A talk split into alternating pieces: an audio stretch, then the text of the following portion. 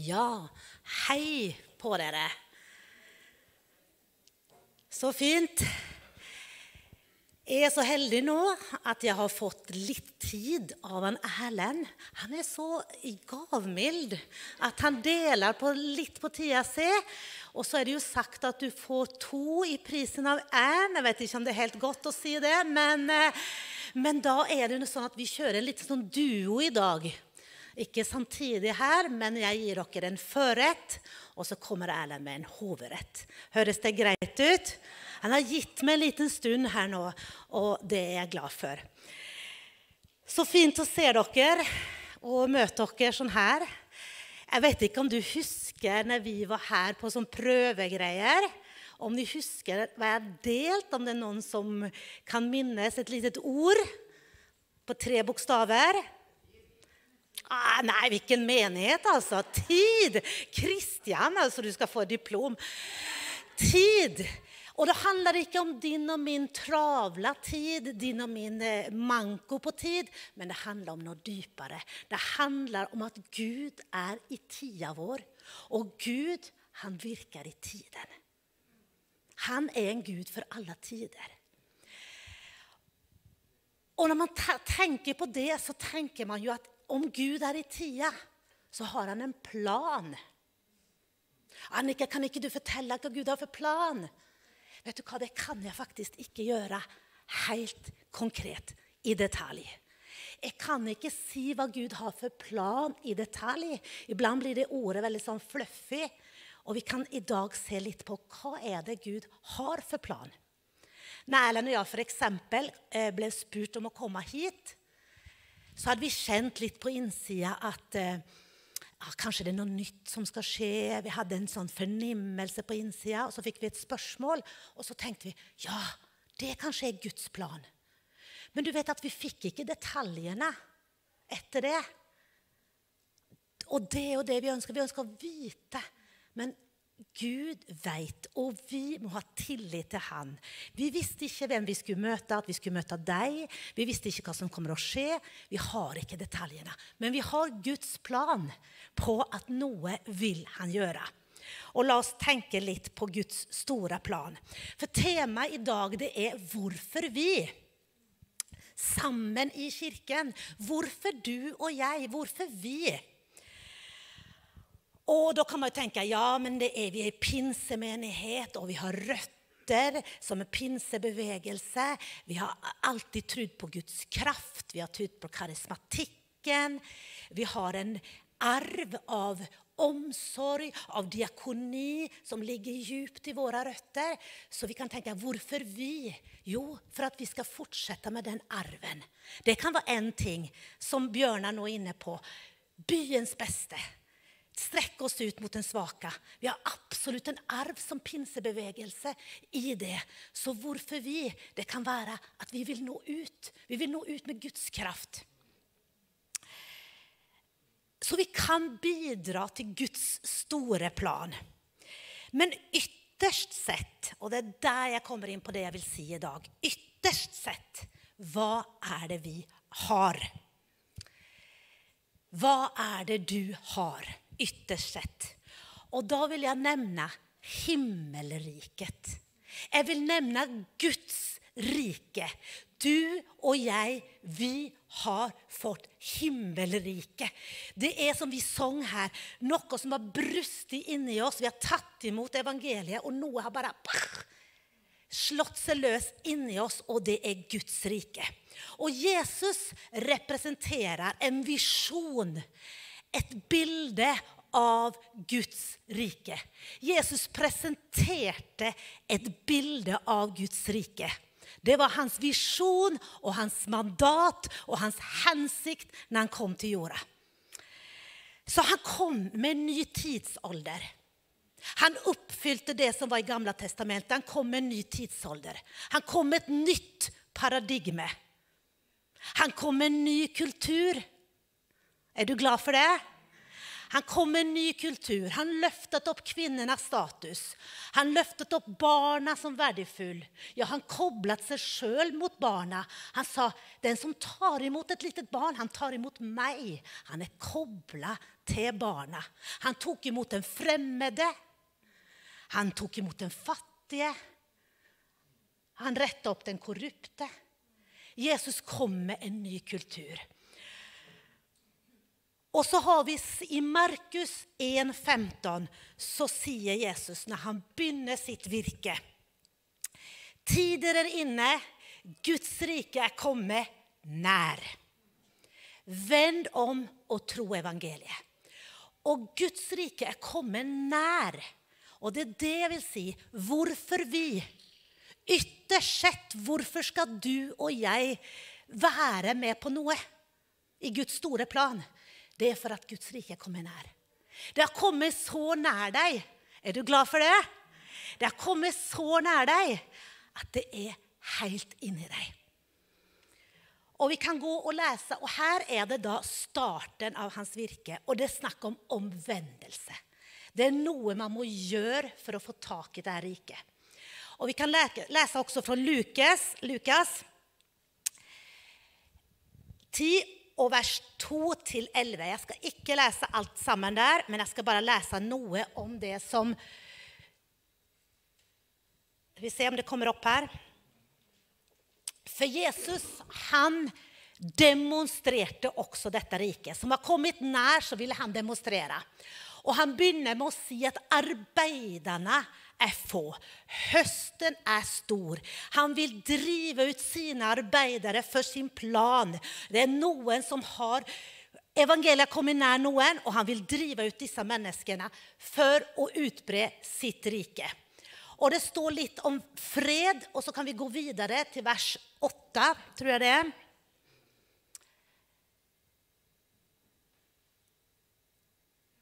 Og når dere kommer inn i en by og de tar imot eh, og når dere kommer inn i en by, og, tar, og, de tar imot dere, så spis det dere setter foran dere. Og så vers 9. Helbred de syke og si Guds rike er kommet nær til dere. Men når dere kommer inn i en by der, ikke, der de ikke blir tatt imot, så gå ut på gatene og si selv støvet vi har fått på føttene i byen deres, kan dere beholde. Vi børster det av oss, men det skal dere vite. Guds rike er kommet nær. Her er det en demonstrasjon. Han sier at helbredelse skal følge, tegn og under skal følge Guds rike. Så det vil si du og jeg vi har fått opplevd at Guds rike har kommet nær. Vi har omvendt oss, vi har kjent at det har kommet på innsida av oss. Ikke på utsida, men på innsida. Og når vi har kjent det, så har vi de samme verktøyene som Jesus hadde når han gikk ut. For hva gikk han ut med? Han gikk ut med kunnskap, kunnskapsord. Visdommen var til stede i møte med behov. I møte med mennesker så brukte Jesus visdommen for nettopp å vise Guds rike. Han brukte helbredelse, han brukte kraftgjerninger, han brukte troen sin. Og han levde i bønn. Jesus hadde de åndelige gavene til stede i møte med mennesker for å vise at Guds rike er kommet nær. Så vi har del av Guds rike. Og det er det du og jeg besitter. Og det er det vi har når vi sier 'hvorfor vi'. Hvorfor vi ut der? Du har fått Guds rike. Du har fått del av det riket, og det riket er så nært deg. Du kjenner det på innsida. Og den verktøyskassen som Jesus hadde når han gikk ut, den har du. Det var det han ba arbeiderne om å gjøre. Helbred de syke. Vær overnaturlig til stede. For nytte nytta det med, vi, med vanlige ord, nytta det med menneskelig kunnskap for å overbevise noen om at Guds rike er nær. Nei, det er en demonstrasjon av kraft. Det er noe vi ikke har i oss selv. Det er noe vi har lagt, blitt lagt inn på innsida av oss. Vi har fått del av Guds rike. Og på den måten kan vi demonstrere det. Der ute der behovene finnes, er åndens gaver. Det er det Jesus gikk ut med. Han gikk ut med åndens gaver. Les alle under. Det er åndens gaver i funksjon i møte med mennesker, i møte med behov. Så når vi står overfor behov, så er det det vi kan møte folket med. Åndens gaver. Guds rike. Og da kom det det ble motstand. Fariseerne og de skriftlærde de var på pletten. Du helbreder på en sabbat. Du gjør det her. Hvorfor gjør du det slik? Hvorfor gjør du Det slik? Det var ikke sånn som de hadde tenkt. Jesus kom med en ny kultur, et nytt paradigme. Han ville vise at Guds rike nå kommet hit så nært. Gamle testamentet var, det var en oppfyllelse av alle de løftene. Og han kom på den måten.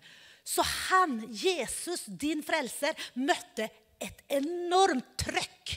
Et enormt motstand fra de på utsida. Og Jesus klarte å stå i det. Jesus klarte å finne svarene, det som krevdes for å stå i det trøkket. Du og jeg møter en tidsånd, en tidsånd noe korrekthet. Det skal være politisk korrekt. Vi møter en tidsånd som sier 'slik skal det være'. Og vi syns det er råtøft å gå ut der. Det krever noe. Det er krevende. Vi blir redd. Vi springer inn og gjemmer oss her. Gjør ikke du det? Er du så tøff at du står der og snakker? Nei, vi gjør ikke det. Ikke Jonah heller gjorde det. Jonah ble bedt om å gå til Nineve. Men det var vold, det var barnemishandling, det var dyremishandling. Det var full av ondskap. Og han sa bare nei, det blir for tøft. Jeg går ikke. Han ville ikke. Han bakka fra Guds plan. Og du og jeg møter de samme kreftene, de samme situasjonene som du og jeg må stå i, og vi bakker. Og vi kan ikke komme menneskelig. Vi må komme med Guds kraft. Vi må komme med demonstrasjon av Ånden. Vi må komme med Guds rike. Og det er risikofylt, ja, men det er også noe å vinne.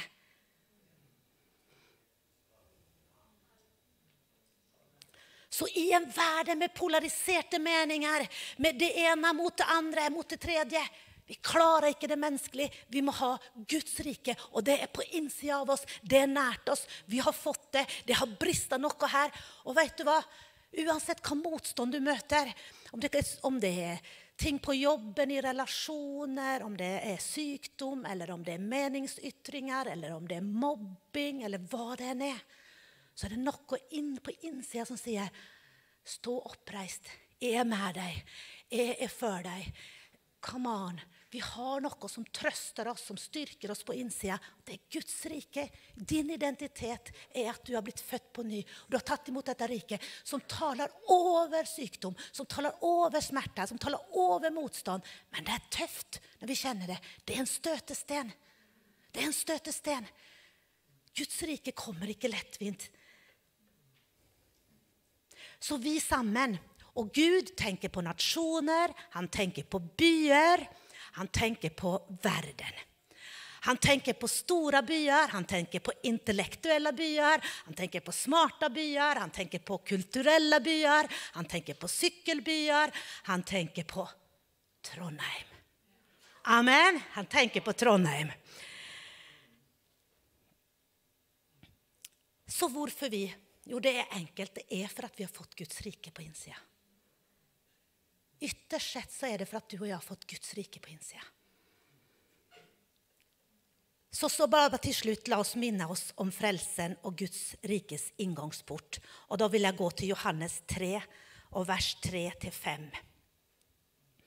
Her er det en av de skriftlærde som hadde blitt mykere, som hadde forstått noe med Jesus. Og han kom. Ville ikke bli oppdaga. Kom på natta.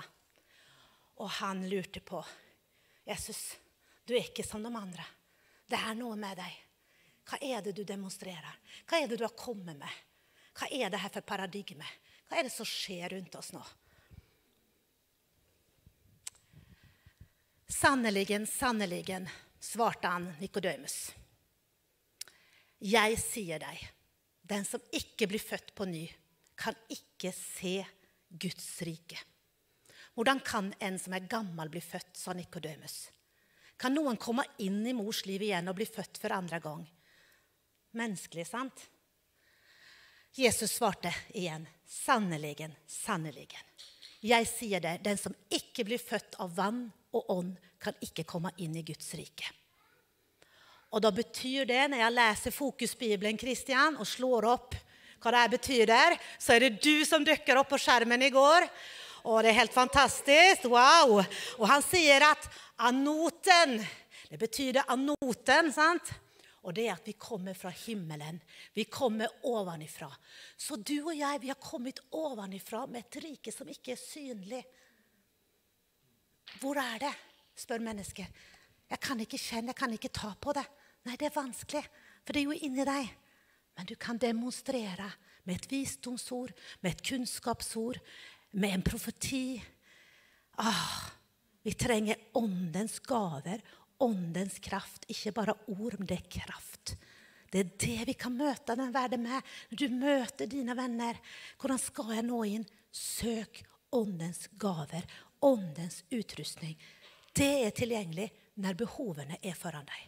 Når behovene er foran deg. Det er ikke for å vise fram vår åndelighet, men det er for å møte mennesker, for å formidle Guds rike til dem. Og da bare hva, hva er det her? Det, det, kan du ta imot. Og vi må stå i den kampen det er å gå over den terskelen og gi Guds rike videre. Yes. Så ta imot ifra himmelen, ta imot Guds nåde over livet ditt. Og nå skal vi be sammen. Og hvis du er her og du er litt usikker på har jeg fått tak i Guds rike, kjenner jeg at Guds liv og Guds nærhet er i meg. Hvis du ikke gjør det, eller hvis du har kommet litt på sida, så bli med i denne bønnen nå. Og bare la Jesus fylle ditt indre. Og la det burst out, som vi sang i denne vakre sangen. Åh, la det bare briste på innsida, at det må ut. Vi blir drevna ut. For vi har oppdaget og kjent. Så hvis du ikke kjenner det slik i dag, så bare vær med i bønnen, og la Gud bare komme til deg før at Guds rike skal nå deg og de andre. Jeg takker deg, Jesus, for at vi får stå innenfor deg, Herre. Og vi får be om at din nåde kommer over våre liv, Herre, og at du tar imot den som søker deg, Herre. Akkurat nå så bare gir du det her livet, det her himmelske livet som kommer ovenifra, som ikke er menneskelig, Herre. Slik at vi kan gå ut og være dine ambassadører. Jeg takker for Trondheim. Takker for denne byen. Å, Herre. Å, Herre, i møte med, med det intellektuelle, med det religiøse, med alt som røres i denne byen, Herre, så la oss være Guds rikes ambassadører. Hvorfor vi Jo, du har frelst oss, Herre. Du har født oss på ny. Vi har fått del av himmelriket, det du demonstrerte, Herre. Takker deg for landet vårt, Herre, som trenger en demonstrasjon og kraft og vekkelse og noe vi har fra deg, Herre. Gjør oss eller på å si motstandsdyktige mot tanker som råder i denne verden, så at vi ikke bøyer oss og vi ikke blir feige, så vi ikke blir redde, Herre, men fyll oss med Den hellige ånds kraft. Amen. Amen. Da skal vi få lov å reise oss og prise Gud, eller om det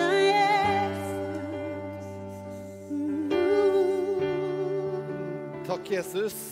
Takk for din godhet over hver enkelt som er her nå i formiddag. Far, du er så god mot oss. Du har vist din godhet imot oss.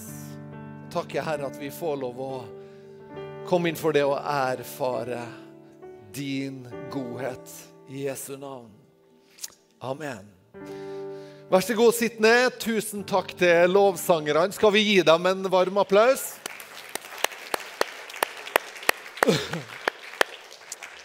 Så godt å være sammen i kirka. Så godt å se dere alle sammen. Så deilig at vi er ferdig med korona.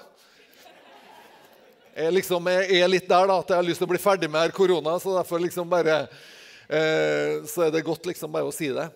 For å skremme korona litt. vet du. Sånn, så Veldig bra. Vi, vi, vi, er jo liksom litt sånn eh, fortsatt på å bli kjent. Men eh, nå, nå, jeg kjenner flere ansikt nå enn til første gangen vi var her. Det er jo fint. Eh, og så blir vi litt sånn eh, Syns vi er så mye bra folk da, at vi tenker jo det at her er det jo mange som kunne vært pastorer. Altså. Hva gjør vi her? Eh, vi, er jo, vi, er jo, bare noen ydmyke folk fra Møre. Eh, og ei som er in, importert da, fra Øst-Europa. Jeg fant henne jo i Sverige. Det er jo øst, i hvert fall østafor, da. Så nei, Annika, var ikke det herlig det hun delte? Ja, nydelig. Eh, vi har jo liksom vært i denne serien Hvorfor? Hvorfor, hvorfor du? Hvorfor dere? Og nå er det altså hvorfor vi, eller hvorfor oss? Eh, og når jeg har jobba som pastor i en del år, og så er det liksom noe, noe av det liksom litt sånn eh, Såre en pastor. Har du lyst til å lære noe, ett punkt på hvordan du kan såre en pastor?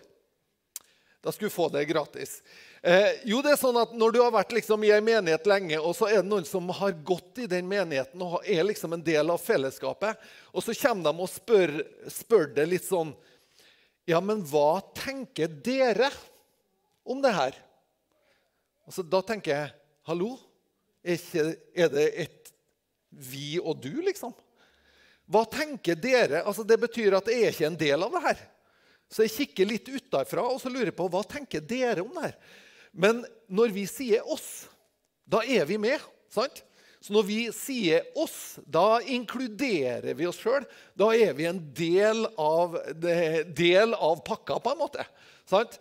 Sånn at eh, Hvis du har lyst til å såre meg, så kommer du til meg og så sier hva tenker dere om det her? Og så ser du litt morsk ut, og da blir jeg veldig usikker. Så da, sant? Men hva, hvorfor oss? Hvorfor er vi satt her på planeten? Hvorfor er det nødvendig at det fins ei kirke? Hva er strategien bakom det? Hva var tanken bakom det? Eh, og når vi ser på Guds kirke, så tenker vi at eh, noen ganger så tenker vi det var ikke en særlig god idé. Det var en dårlig idé. Det her funka dårlig. Og noen ganger kanskje vi tenker at wow, Guds kirke det er jo en superidé. Eh, og hvis du ser rundt deg her i formiddag, så kan du se rundt deg og så kan du tenke at det her er jo en god idé. Fordi at hvor mange plasser eller hvor mange arenaer er du på i løpet av uka eller måneden der så mange generasjoner er samla på ett sted? Guds menighet er genial.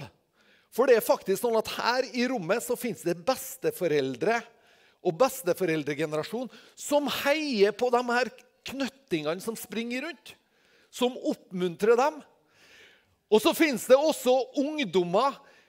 Og så fins det noen som har levd litt lenger, som skjønner at ungdommer trenger litt forbønn av og til. Og da er de så kloke, de her godt voksne som har vært med en stund, at de tenker Halleluja. Vi bare ber. Vi sipper igjen, og så ber vi. Det er jo genialt! Er det noen som er takknemlig for at det var noen som sippa igjen? Sant? Og heller ba. Og heller smilt fint og, og heia på det. Ja, det er godt, vet du. Veldig bra. Litt sånn oppsummering på det som vi har vært eh, gjennom, og det som er på en måte litt sånn grunnlaget når vi har hatt de her tre første søndagene, så er det det at vi som mennesker, og ikke bare vi i kirka, men alle mennesker, er skapt i Guds bilde. Så djupt i hvert menneske så finnes det en original. Det finnes noe som er et uttrykk for Gud i alle mennesker. Vi opphører aldri å være skapt i Guds bilde. Samme hvor langt borte fra Gud vi velger å leve våre liv, så opphører vi aldri å være skapt i hans bilde. Vi kanskje tillater ting som gjør at bildet fordunkles og blir mindre synlig. Men vi opphører aldri å være skapt i hans bilde. Nå ser det plutselig noen moldensere her, da, vet du. Det var koselig, altså. Kristiansundere og nei. Altså, beklager, vi må jo gi dem opp, opp, med han her nå. Molde og Kristiansund. Og ja, det, var, det varma jo Varma jo hjertet.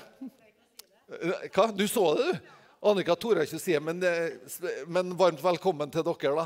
da. Er, her, hvis de har sjanse å snakke med dem, så er det knallfolk som vi har iblant oss. Eh, jo, så vi, vi, som mennesker er skapt der. ok? Og så har vi også sett på at Jesus han er det uttrykte bildet av Gud. Jesus han er personifiseringa av Guds karakter og hans sitt vesen. Sant? Så noen ganger kan vi få en idé om hvordan Gud er i Det gamle testamentet, og så tenker vi å ja, det var voldsomt. Men hvis vi ønsker å se hvordan Gud virkelig er, så ser vi på Jesus. For Jesus er det uttrykte bildet av Gud. Så det er trygt å se på han. Når vi tenker ok, hvordan skal vi møte mennesker? Ok, Jesus, hvordan var det du gjorde der? Sånn? Og så tar Bibelen det enda et hakk. Og så sier Bibelen at sånn som han var, altså sånn som Jesus var, sånn er også dere i denne verden. Sant? Så i denne verden, altså her, midt der vi er satt Ikke liksom å, en gang liksom i det nye Jerusalem eller sånn. Nei, midt i den verden vi er satt, så er du og jeg faktisk kalt til å være Jesus. Og bære Jesus og gjøre det bildet tydelig. Ok? Og når da Jesus kommer Hvis vi skal gå litt sånn inn på det her, så har vi jo Annika snakka om Guds rike. Om det Guds rike som bor inni oss. Og tenkte at Jesus kommer og han skal etablere sitt rike på denne fiendeokkuperte planeten. Her kommer han, og så er spørsmålet hvordan gjør jeg det? Alle andre i alle tider som har skulle etablert et rike, de har gjort det med makt. De har undertvinga seg lydighet, de har undertvinga seg eh, makt, eller mennesker, for å få personlig makt og for å etablere et rike for seg sjøl. Aleksander den store vi, vi, kjenner historier. Vi kjenner historier om ottomanerne og, og altså mange. Og så vet vi det har vært, det har vært brutalt. Og så kommer Jesus, Guds sønn, og så skal han etablere sitt rike. Og så gjør han det. Han gjør det så annerledes. Han gjør det så annerledes. Han sier 'jeg etablerer et rike som i utgangspunktet ligger inni dere. Guds rike kommer i såkornform. Det bor inni dere, og så kan det begynne å vokse fram. Så kan Guds rike begynne å spire og gro innifra. Og så kjenner vi at det er noe som, noe som skjer på innsida, og så er det noe som bryter seg vei. Det tar plass. Det begynner å gi seg uttrykk Jeg vet ikke, jeg har snakka med mange som har Når de har tatt imot Jesus, så er det som at da, liksom, da, da er det nesten sånn at skallet på denne nøtta som ligger i oss, da, det brister. Og så begynner det å vokse noe nytt på innsida. Bibelen kaller det å bli født på ny. Og når vi mennesker blir født på ny, da er det plutselig som om det er noe nytt som begynner å vokse fram inni oss. Og hvor mange ganger har vi ikke hørt at Vet du, når jeg tok imot Jesus, så plutselig hørte jeg fuglene synge. Plutselig, plutselig så, så jeg fargene i naturen på en helt annen måte. Det er så mange vitnesbyrd man hører. Plutselig så er det noe som skjer som gjør at wow, det her livet det begynner på en måte på nytt. Guds rike er inni oss, og han kommer, og så etablere dette riket. Ikke med makt, ikke med hær, men ved Guds ånd. Så Guds ånd berører oss, Guds ånd kommer til oss. Guds ånd levendegjør noe i oss som gjør at vet du, vi kommer inn på en plass der vi aldri kanskje har vært, og så kjenner vi at her er det noe. Eller vi kommer i kontakt med mennesker som er bærere av noe. Og så kjenner vi Oi, hun har noe som jeg vil ha tak i. Og det er nettopp Guds rike. Det er det man kjenner på. Og hvis du og jeg kan få lov å være bærere av det her Hans rike har en dyp resonans, klangbunn, i alle mennesker. Mennesker er litt redd for det her. Fordi at eh, hvis på en måte jeg skal erkjenne det, så må jeg nødvendigvis også forholde meg til litt av det her som det her riket går i. da. Så Derfor er de litt redd for det. Og Derfor så trenger du og jeg å være snill med folk. Ok? Vi trenger å være snill med folk, sånn at folk får lov å Trenger ikke bli skremt første dagen, liksom.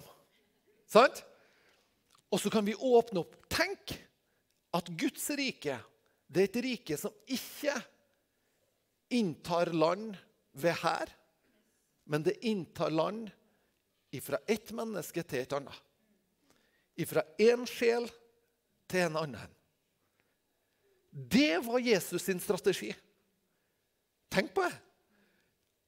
Du skal forandre planeten.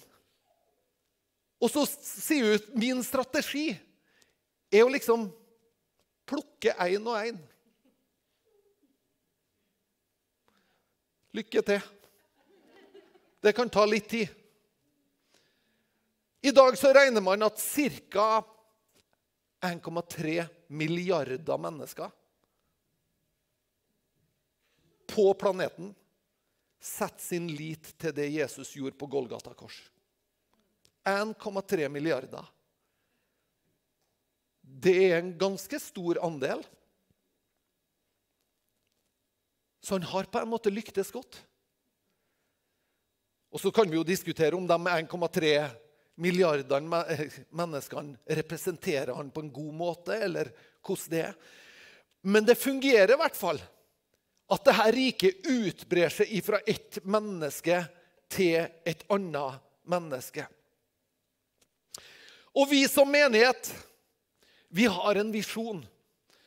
Og visjonen til menigheten det er selvfølgelig at dette riket skal utbre seg. Og det er en visjon også om hva dette riket gjør med mennesker. Hva gjør Guds rike med mennesker? Gjør det dem sur og sint? Gjør det dem tverr og motvillig? Eller hva gjør dette riket med mennesker? Gjør det dem kjærlighetsfull? Gjør det dem glad? Gjør det dem tilgivende? Gjør det dem rause? Hva gjør riket med oss? Hva er det det former i oss? Det er utfordrende å tenke hva har det forma i det så langt?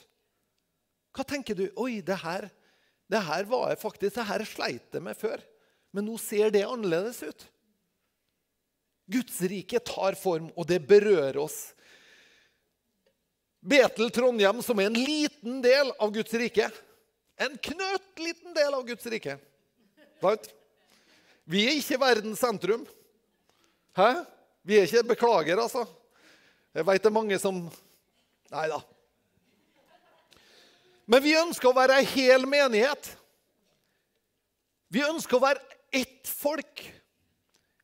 Mange aldre, generasjoner, mange kulturer. Internasjonalt. Livgivende.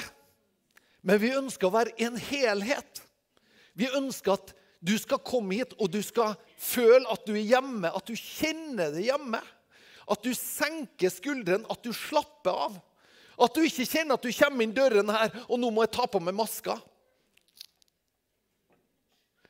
At du ikke kjenner når du kommer liksom at ja, nå, vi, nå, nå er kristenmøtestil, liksom. Du vet, jeg ble, når jeg var nyfrelst, vet du, så bodde jeg i Trondheim. Og det var de, den tida vet du, alt var sterkt. vet du. Det var sterkt, det. Amen. Amen. Amen, broder. Det var sterkt, det. Amen. Jeg seier. Husker jeg noen som, er det noen som var der? Seier, vet du. Og vi, og vi ungdommene var jo hakket enda tøffere. da. Så vi hadde et uttrykk som vi kalte for SPAP. SPAP. SPAP. Ja, hvordan går det? Går det? Nei, SPAP. Seier på alle punkter. Sant? Så vi var litt sånn rimelig kule, da. sant? Og, og det var Ikke sant? Der, der var vi.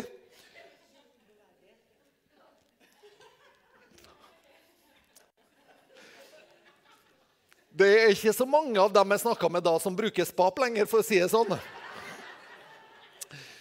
Jeg har vel lært at livet er litt mer enn det. Sant? At livet er litt mer utfordrende enn det. Men vet du nå, Du og jeg inviteres inn til å være med og skape det her hjemme for folk. Altså, Der folk kommer inn døra, så er ikke sikkert de skjønner alt som skjer, eller, eller veit alt, kan alle kodene, eller sant? Men det er noe med at når de kommer inn døra, så fins det en varme, det fins et ønske om velkommen. Som ligger ikke bare liksom Ja, fint, for det har vi lært oss å si. Men som ligger i hele kulturen. Som syns at det er spennende at noen kommer. Det er spennende at du som kanskje er for første gang, er her. Og så er hjertet så varm at mennesker kan kjenne seg velkommen. Wow! Det er Guds rike. Det er Guds rikes kultur. En hel menighet med hele mennesker. At vi som mennesker kan komme inn i et fellesskap ikke der det kreves at vi er hel, eller det kreves at vi er fullkommen. Men vi er hele mennesker. Vi kommer med hele oss. Jeg kommer med det som er vakkert. Men jeg kommer også med det i mitt liv som er brutt, som er nedbøyd. Jeg kommer som et helt menneske. Og så kan jeg si det at vet du nå, på de her områdene så har jeg det godt, men akkurat her så gjør det litt vondt. Vi er hele mennesker. Vi kommer ikke svevende inn her som en ånd. Sant? Må, må,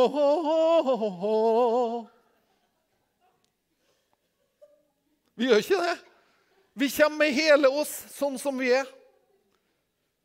Så får vi lov å bringe det. Jeg vet ikke om du har hørt denne Life-gruppa, eller sånne livsnære fellesskap. Og så var det noen som sa det, jeg tror det var Unite i Oslo, som sa hit skal du kunne komme with the good and the bad and the ugly. Det gode, det dårlige og det riktig stygge. Sant?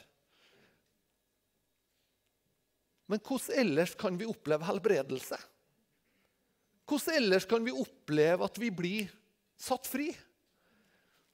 Hvordan ellers kan vi oppleve vokster om vi ikke tør å innrømme at vi trenger det? For hele Trondheim, storregion, med hele evangeliet hvor mange tror at boka er full av Guds prinsipper, tanker til liv? Jeg tror at denne er full av prinsipper. Hvis du ønsker å bygge familien din sterkt This is the book. Mm. Om du ønsker å, å, bygge sunne relasjoner This is the book. Om du ønsker å bygge en sunn business This is the book. Sant? Om du ønsker å utvikle det som menneske This is the book. Dette er boka som berører menneskelig liv på en grundig og djup måte, sånn at vi kan bygge langsiktig gode liv. Det er denne boka til for. Og så skal vi gå ut til hele verden. Ok, I Efeserbrevet vi kan få opp det skriftstedet. I Efeserbrevet så står det Eh, om menigheten, om denne etableringa av Guds rike, denne bæreren av dette riket, som skal eh, være med å bære det her videre, så står det at Jesus han, det, Først så står det jo han for opp, og, og, og, og han kom, kom ned, og han for opp. Altså, vet ikke om, Har du hengt på den? Liksom, hvor ble det av den, liksom? Men da står det at han gjorde det, og så, og så tok han, eh, tok han dødsrike dødsriket til fange. Og så ga han gaver til mennesker. Og så ga han oss gaver, og så ga han til hver enkelt av oss. Og så står det at han ga noen til apostler, noen til profeter, noen til evangelister og noen til hyrder og lærere. Og så tenker vi Det er jo det femfoldige tjenestegavene ofte som vi tenker på. sant? Men så stiller jeg spørsmålet hvorfor gjorde han det? Jo, han gjorde det for at. Så hvor er Gud sin Hvor er hans omsorg hen? Hvorfor gir han de her gavene? Jo, for at de hellige skal bli satt i stand til tjenestegjerning. Han gjør det for at vi som fellesskap skal kunne bli satt i stand til å gjøre alt det gode Gud har tenkt. I Trondheim by, på Klæbu, Melhus, hvor du enn er. Sant? Så har Gud gjort det sånn for å være med å utruste for å se til. Det er ikke sånn at vi altså Jeg er jo er pastor eller hyrde eller noen som står på en plattform. Vi, Guds rike er til for at vi skal ha en plass å vise oss fram. Fordi at vi skal vise hvor åndelig vi er. Skjønner jeg har brunt belte i åndelighet. Ha. Det er jo ikke derfor. Det er for at de hellige for at de hellige skal få brunt belte i åndelighet. Sant? Akkurat som Annika sier, for at du og jeg kan bære med oss det her ut døren, ut på gata, på arbeidsplassene, på studiestedene, der vi møter mennesker. Det er jo der helbredelsen trenger å skje. Det er jo der rommet, rommet trengs å skapes. Det er for at de hellige skal bli satt i stand. Og så står det, hvis vi leser vi, egentlig, vi, vi, kan egentlig slå opp vers 16 nå der. Jesus han gir oss gaver, alle mann. Og han gjør det sånn at i vers 16 ut fra han blir hele kroppen sammenføyd og holdt sammen med den oppgave det enkelte ledd har etter virkninga av den styrken som er gitt hver del. Det betyr at du betyr noe. I denne visjonen som Jesus har om dette riket, så er det faktisk Han er helt nede på individnivå. Og så er han helt nede på gavenivå, personlighetsnivå. Og så knytter han det sammen. Og så kaller han det her helheten av det her, det er faktisk en kropp. Det her fungerer som ulike lemmer på en kropp. Det betyr at vi er faktisk avhengig av hverandre. Så hvis det var noen av dere som tenkte det at Annika og Erlend Indergård de skal komme til Trondheim, og så skal de gjøre et eller annet magisk For det har vi hørt at de er gode på og så skal ting skje, så må jeg skuffe deg. Men jeg skal ikke skuffe deg hvis du blir med på å søke Gud for din del. Og spør Gud hvordan er det med mine gaver? Hvordan er det med mitt liv? Hva er det jeg er en bærer av? Og på hvilken måte kan jeg legge det til? Da skal vi oppleve i Trondheim at det skjer noe magisk. Det er det som er spennende. Det er det som er spennende.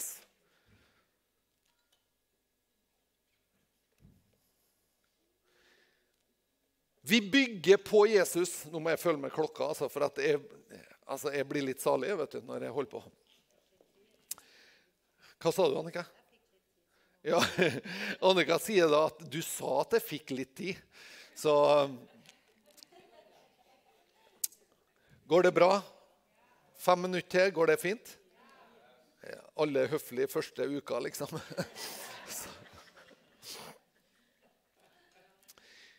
Vi går til Korinterbrevet, det tredje kapittelet.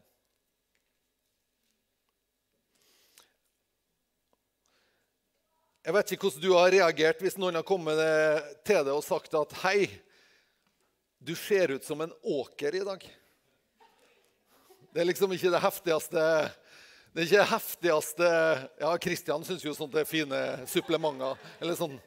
Ja. Du ser ut som en åker, men det sier faktisk eh, det sier Guds ord.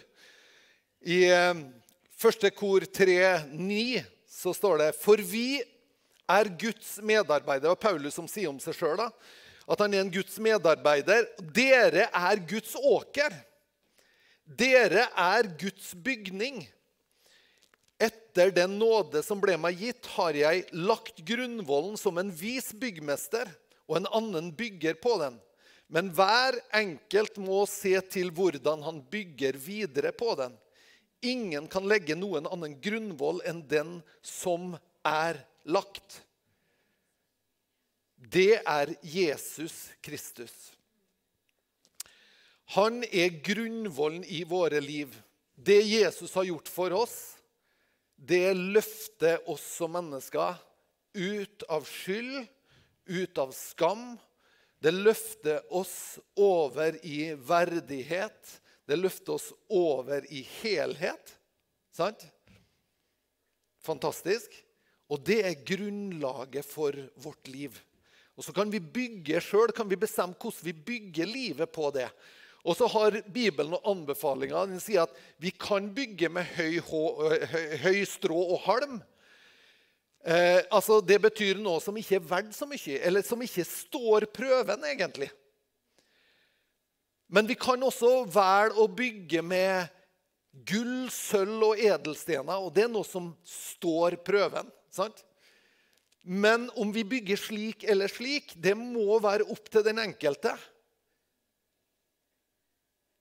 Men hvis vi bygger med noe som ikke består, så skal vi bli frelst. Men det vi har liksom produsert i livet, det var ikke noe verdt. Det, er det det står, sant? Det er litt kjedelig. Sant? Så det er jo, altså, I og med at du spor med nå, så sier jeg at det er jo ikke den vi anbefaler. Vi anbefaler at vi sammen bygger med noe som er av varighet.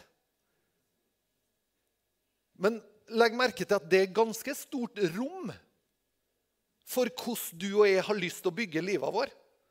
Frelst, det er vi ved Guds nåde, er vi ikke det? Sånn at vi har, et, vi har faktisk et stort spillerom. Men Bibelen anbefaler oss å bygge med noe som er varig. Men vet du noe? Det er faktisk du som har ansvar for ditt liv. Det er du som har ansvar for ditt liv. Du tar dine valg. Du må ta konsekvensene av dine valg. sant? Jeg som pastor jeg kommer ikke til å komme etter det. Å, Truls, nå valgte du feil. Nei, jeg kommer ikke til å gjøre det. Men vet du noe? Og noen ganger så tenker vi at eh, Dette er litt sånn tøft å si, ja.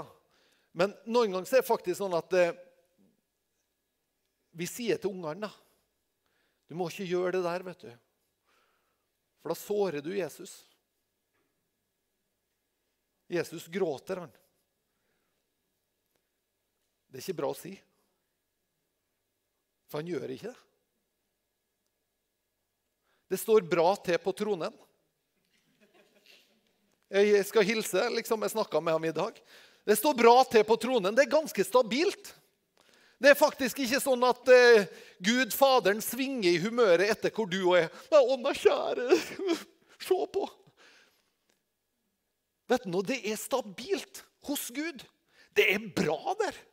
Det er fantastisk. Det er, det er, herlighet, det er lovprisning. Det er wow! Det er liksom, Der er sånn wow! Det, sånn er det hos Gud. Fordi han har skapt et system der du og jeg som menneske kan velge å ta imot. Vi kan velge å, tre inn i det og si at yes, det her vil jeg være en del av. Det her vil jeg ha en del av. Det her vil jeg til og med bøye meg for. Fordi at jeg skjønner at da blir livet godt. Sant? Den muligheten har vi. Og det er faktisk sånn at det er mitt ansvar. Jeg kan ikke skylde på noen andre. Mulighetene ligger der. Grunnvollen er allerede lagt. Og jeg må se til hvordan jeg bygger på den grunnvollen.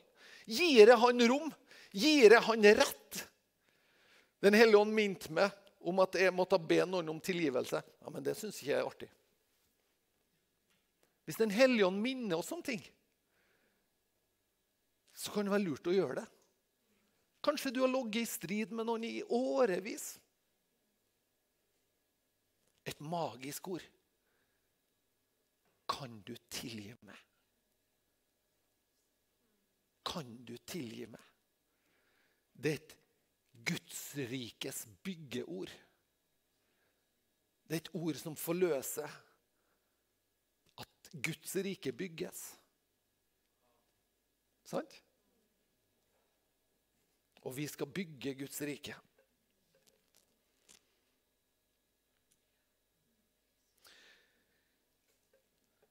Jesus han er opptatt av hvordan det står til i menigheten.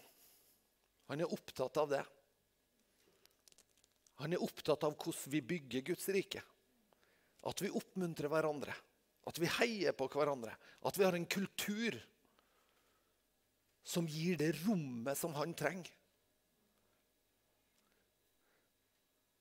Han ønsker det. Jesus han bruker noe litt sånne tøffe bilder sjøl.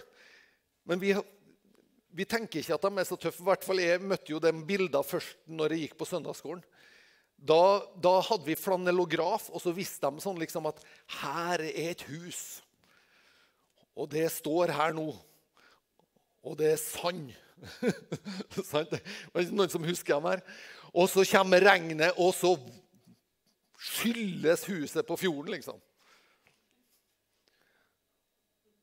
Og Så tar de fram et berg, og så tar de akkurat det samme huset og så setter de det opp på fjellet.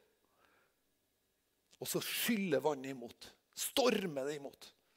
Men huset blir stående. Og Så sier Bibelen at den som hører mitt ord og gjør etter det, han er som en klok mann som bygger huset sitt på fjell. Og det er den kulturen vi ønsker. Vi ønsker en kultur av klokskap der vi får lov å bygge livet vår på Jesu Kristi ord, på hans sin lære. Da kan hva som helst skje. Da åpner han opp, og vi kan få lov å være med. Du kan få lov å være med og se at Guds rike er en realitet i ditt liv. Og at det vokser fram ifra ditt liv. Skal vi be sammen? Kjære Jesus, vi takker deg for din godhet over oss mennesker. Selv om vi har eh, på mange måter fart vill ifra det og, og rota til livet vår, så vær du i alle fall å komme til oss med din nåde og kom til oss med din godhet. Og Jeg takker deg, Herre, at vi får lov å venne oss til det. Fordi at vi trenger hjelp med å bygge livet vår. Vi trenger hjelp med å bygge relasjonene våre. Vi trenger hjelp, og vi erkjenner det. Og så ber vi Herre om at din nåde skal være over livet vår, Herre. Til å ta hånd om de tingene når vi har havna i, djupe hjulspor i våre liv, der vi går oss fast gang på gang. Hjelp oss, løft oss opp ifra det, Herre. Kom med din nåde og kom med din kraft og kom oss til hjelp. Det ber vi om. Takk at vi får lov å ha et fellesskap som håndterer livet, Herre, med alle dets fasetter. Jeg ber om at du skal berøre den som er nedbøyd i formiddag nå. Den som er såra, den som bærer på ting som ikke er godt å bære på. Takk, Herre, for at du kommer med din ånd, og du kommer med ditt nærvær. Og jeg ber også, Herre, den som er sterk, Herre, og kjenner det at eh, livet er bra. Jeg takker, Herre, at du styrker enda mer. Du gir retning, du gir hensikt, du åpner opp. Takk at vi som kirke får lov å ta den posisjonen du har tiltenkt oss i Trondheim, i det her, i denne, i det her samfunnet. Takk at vi får lov å ta vår plass i forhold til de andre kirkene. Vi får lov å ta vår plass i forhold til samfunnet. Og jeg ber her om at du skal gi oss nåde til å bygge denne kroppen sammen, sånn at den er sunn og frisk og kan representere det på en god måte. Det ber vi om, Herre, i Jesu Kristi navn. I Jesu Kristi navn. Amen. De kan komme opp. Mm.